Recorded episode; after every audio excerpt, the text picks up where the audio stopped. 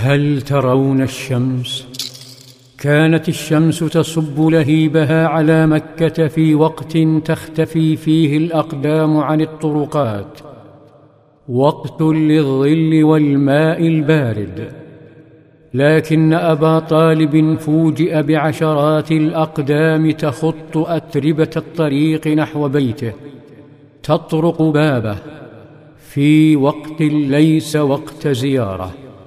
رحب بهم فدخلوا وملأوا مجلسه والعرق يلمع في جباههم. أدرك أن وراء هذا التوقيت شيئا غير عادي فسألهم مستغربا زيارتهم فقالوا إن ابن أخيك هذا قد آذانا في نادينا ومسجدنا فانهه عنا.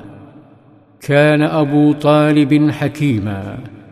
يدرك أن محمدا لن يرفض له طلبا من أمور الدنيا. لكن هؤلاء السطحيين يطلبون شيئا ليس في يده ولا حتى في يد محمد صلى الله عليه وسلم. لذا لم يعدهم بشيء. أرادهم أن ينصتوا إلى محمد نفسه حتى يدركوا أي شخص يتحدثون عنه وأي أمر هو ماض فيه. التفت أبو طالب إلى ابنه الأكبر عقيل وقال يا عقيل انطلق فأتني بمحمد. يقول عقيل فانطلقت إليه فاستخرجته من خيس بيت صغير. امتثل صلى الله عليه وسلم احتراما لنداء عمه رغم السموم والرمضاء. كان صلى الله عليه وسلم من شدة الحرارة يتتبع الظل قرب الجدران والعرق يتصبب منه حتى وصل.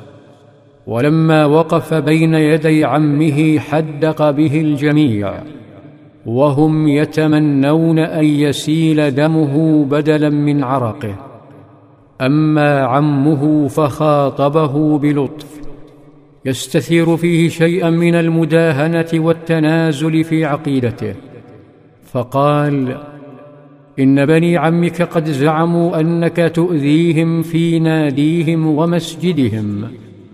فانته عن أذاهم. عندها أراد صلى الله عليه وسلم أن يحسم أمر العقيدة معهم فحلق ببصره إلى السماء وقال أترون هذه الشمس؟ ترك الوثنيون التحديق به صلى الله عليه وسلم ورموا بأبصارهم نحو الشمس ينتظرون شيئا مخيفا. وقالوا وهم في حالة استغراب نعم. فقال فما أنا بأقدر على أن أدع ذلك منكم على أن تشعلوا منها شعلة. تلفت بعضهم إلى بعض من شدة الغيظ. وأدرك أبو طالب أي عزم حديدي يملأ ابن أخيه المضطهد. فقال والله ما كذبنا ابن أخي فارجعوا.